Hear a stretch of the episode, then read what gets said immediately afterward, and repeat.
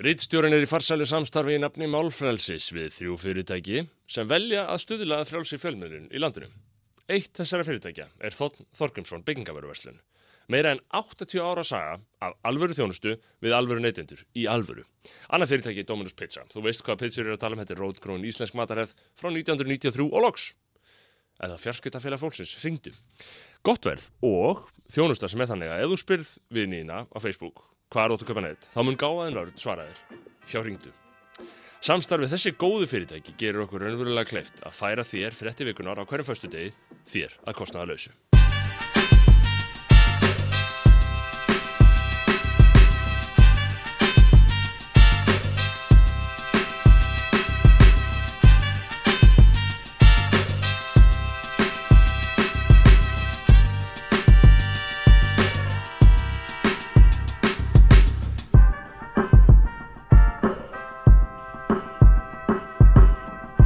Komið sæl og verið velkomin í fréttir vikuna með Snorra Másinni Rittstjóra. 5. januar 2024, tíminn flýgur, gleðilegt nýtt ár, kæru áhörundur, hlustundur, lesendur, eh, jáfnvel óvinnir sem hinga að koma í reglubundi eftir lit. Eh, það er nýtt ár, það er 2024. Um, fréttir vikunar. Frakkar fögnuðu nýju ári með sinni þekktu nýðurtalningu á Champs-Élysées í París í, á miðnætti á gamlarskvöld og uh, þegar þetta er gert þá er alltaf mikið sjónaspill. Uh, og ef þú varst ekki París til þess að verða vitna að þessu þá voru sem betur fer nokkrir skynnsamir aðilar sem ákváðu að festa þetta á filmu. Nána tildegi að fyrir minnist hver einasti maður sem var á staðinu besta leiðin til að njóta auknabliksins er auðvitað að gera það eilíft. Bókstala hver einasti sími á lofti þetta hefur var ekki aðtegli menn hafa áhyggjur af því þegar vélarnar taka yfir svið mannana eh, ekki síst núna eh, þessa dagana Uh, en þetta myndband gaf ónefndu notanda á X til að spyrja sko hafa vélarnar ekki nú þegar tekið yfir allavega svona helminga því sem við erum? Erum við ekki löngu orðin einhvers konar blanda af manni og vél? Mm, ég held allavega að þetta ver, sé bara að fara að verða meira svona uh, og hérna verður þetta líklega frekar stiksmunur en eðlismunur á þessu sambandi vélar og manns. Uh, en stiksmunurinn verður mikill þannig að það er eins gott að, að temja sér jákvæmt hugafar um, Áramóta sprengingin hérna heima hins vegar kom frá fórseta líðveldisins sem tilkynntum þá á nýjástað að hann nefndi þess ekki lengur. Um, hann sagðist þar verið að fylgja hjartanu og bendi á að það kemur auðvitað maður í manns stað. Maður í manns stað.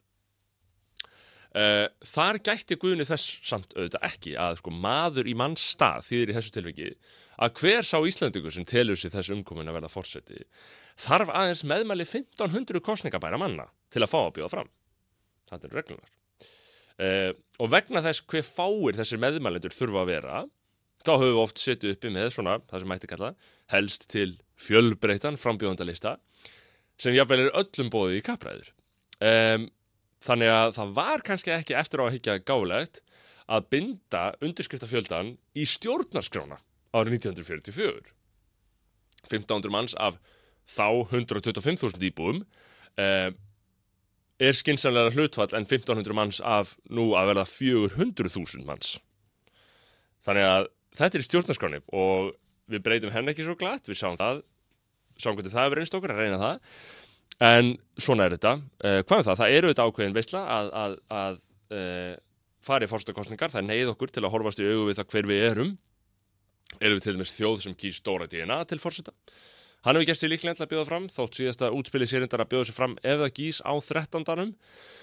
sem hans bára muni gerast. Um, og væri forutnilegt að sjá Dóra og sko maður efastega um það að ef að Katrin Jakobsdóttir fari fram þá fari neitt annar fram sem skiptir máli því fólk vil ekki tapa fyrir henni. Uh, þannig að en, en ég vona Dóra sé nóg mikill populisti til að fara á móti henni þótt hún fari.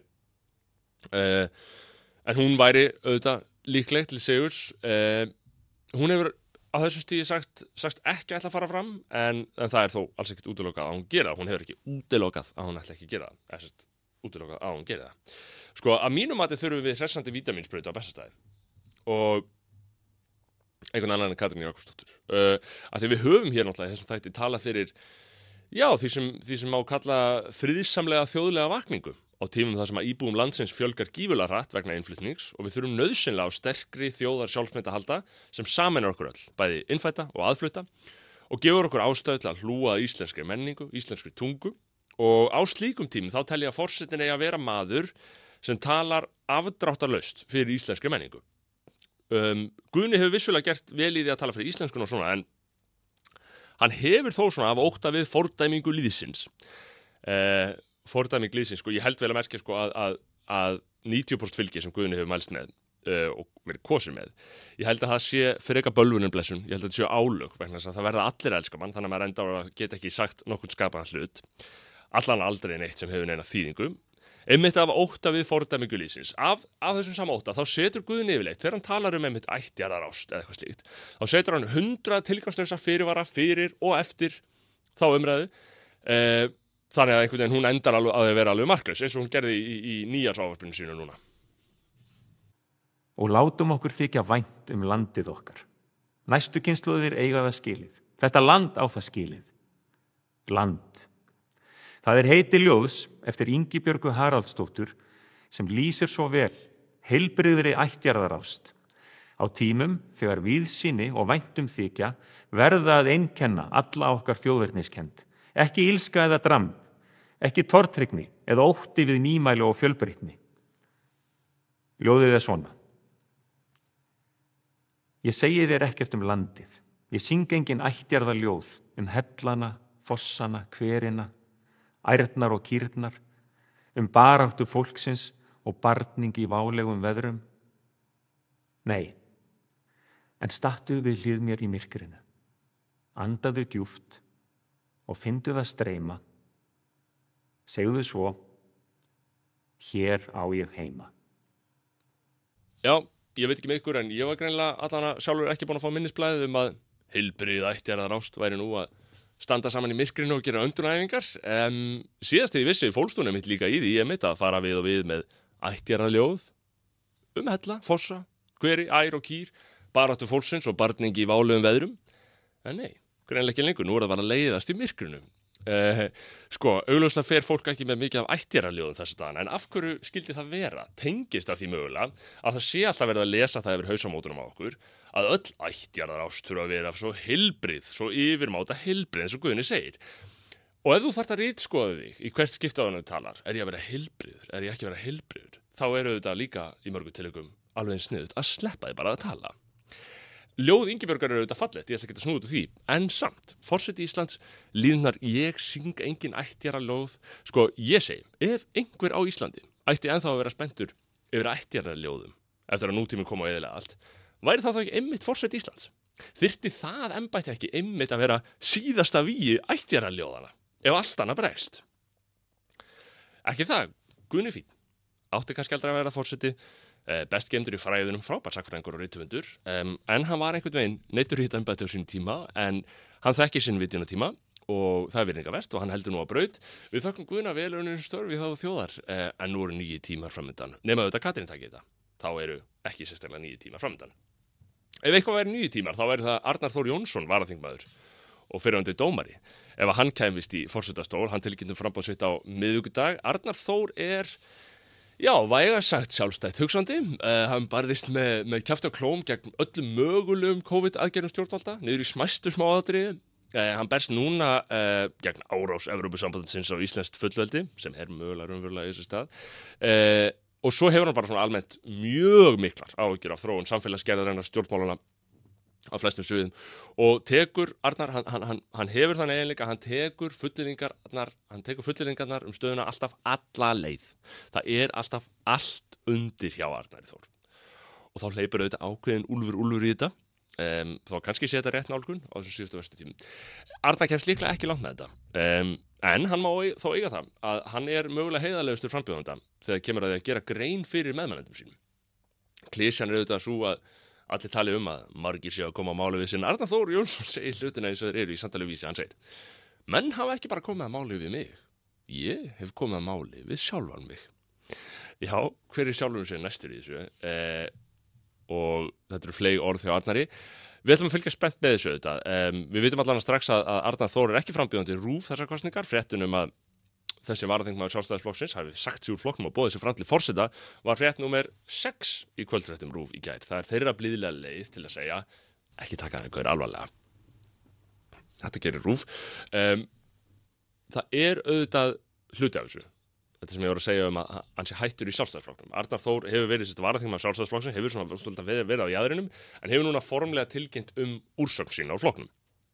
Hann segir flokkin og þingmenn almennt ekki lengur þjóna hagsmunum. Almennings heldur hafi þingmenn afhengt valdið einhverjum öðrum uh, og líklega vísar Arnar Þór þarna til einmitt yfir þjóðulegra stopnana, hvort sem það eru örgla saminuð þjóðunar eða örgla engum Evrópusambandi og og þetta er svona vonandi eh, vonandi þessar yfirlýsingar um, um þetta framsalvald, það eru vonandi orðum auknar eh, hjá dómarunum fyrirvændi að allt vald sé á leið úr, úr landi.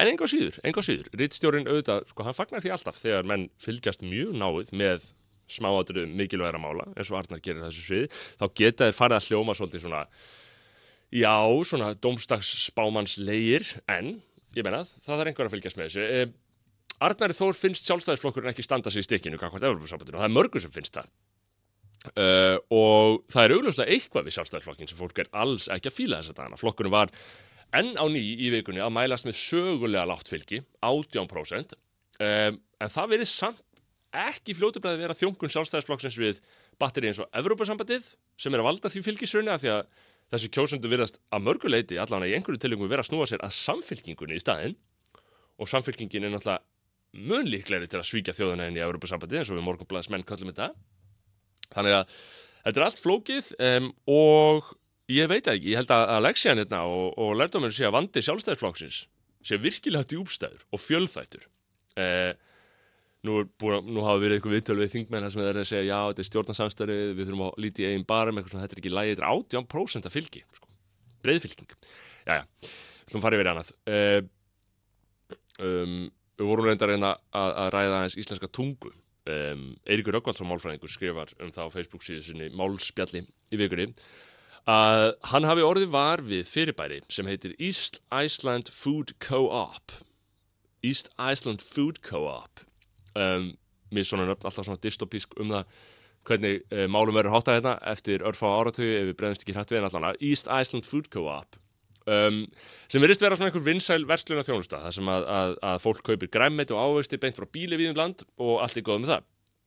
Um, Aðtöðasemt Eiríks beinist gegn því að allt sé þetta á ennskum upplýsingarnar, pantarna, nafnið, vefsíðan í heilsinni, allt á ennskum þrátt fyrir að vera fyrirtæki á Íslandi sem væntalega mjög margir Íslendinga versla við. Og Eiríkur skrifar Hvernig stendur á því að við látum bjóð okkur það að gera pantanir á ennsku á síðu sem gefur svo út fyrir að vera íslensk og dreifir vörum á Íslandi? Eirikur skrifar jáfnframt, er það eðlilegt? Eigum við að gera kröfum um að geta notað íslensku í viðskiptum á Íslandi?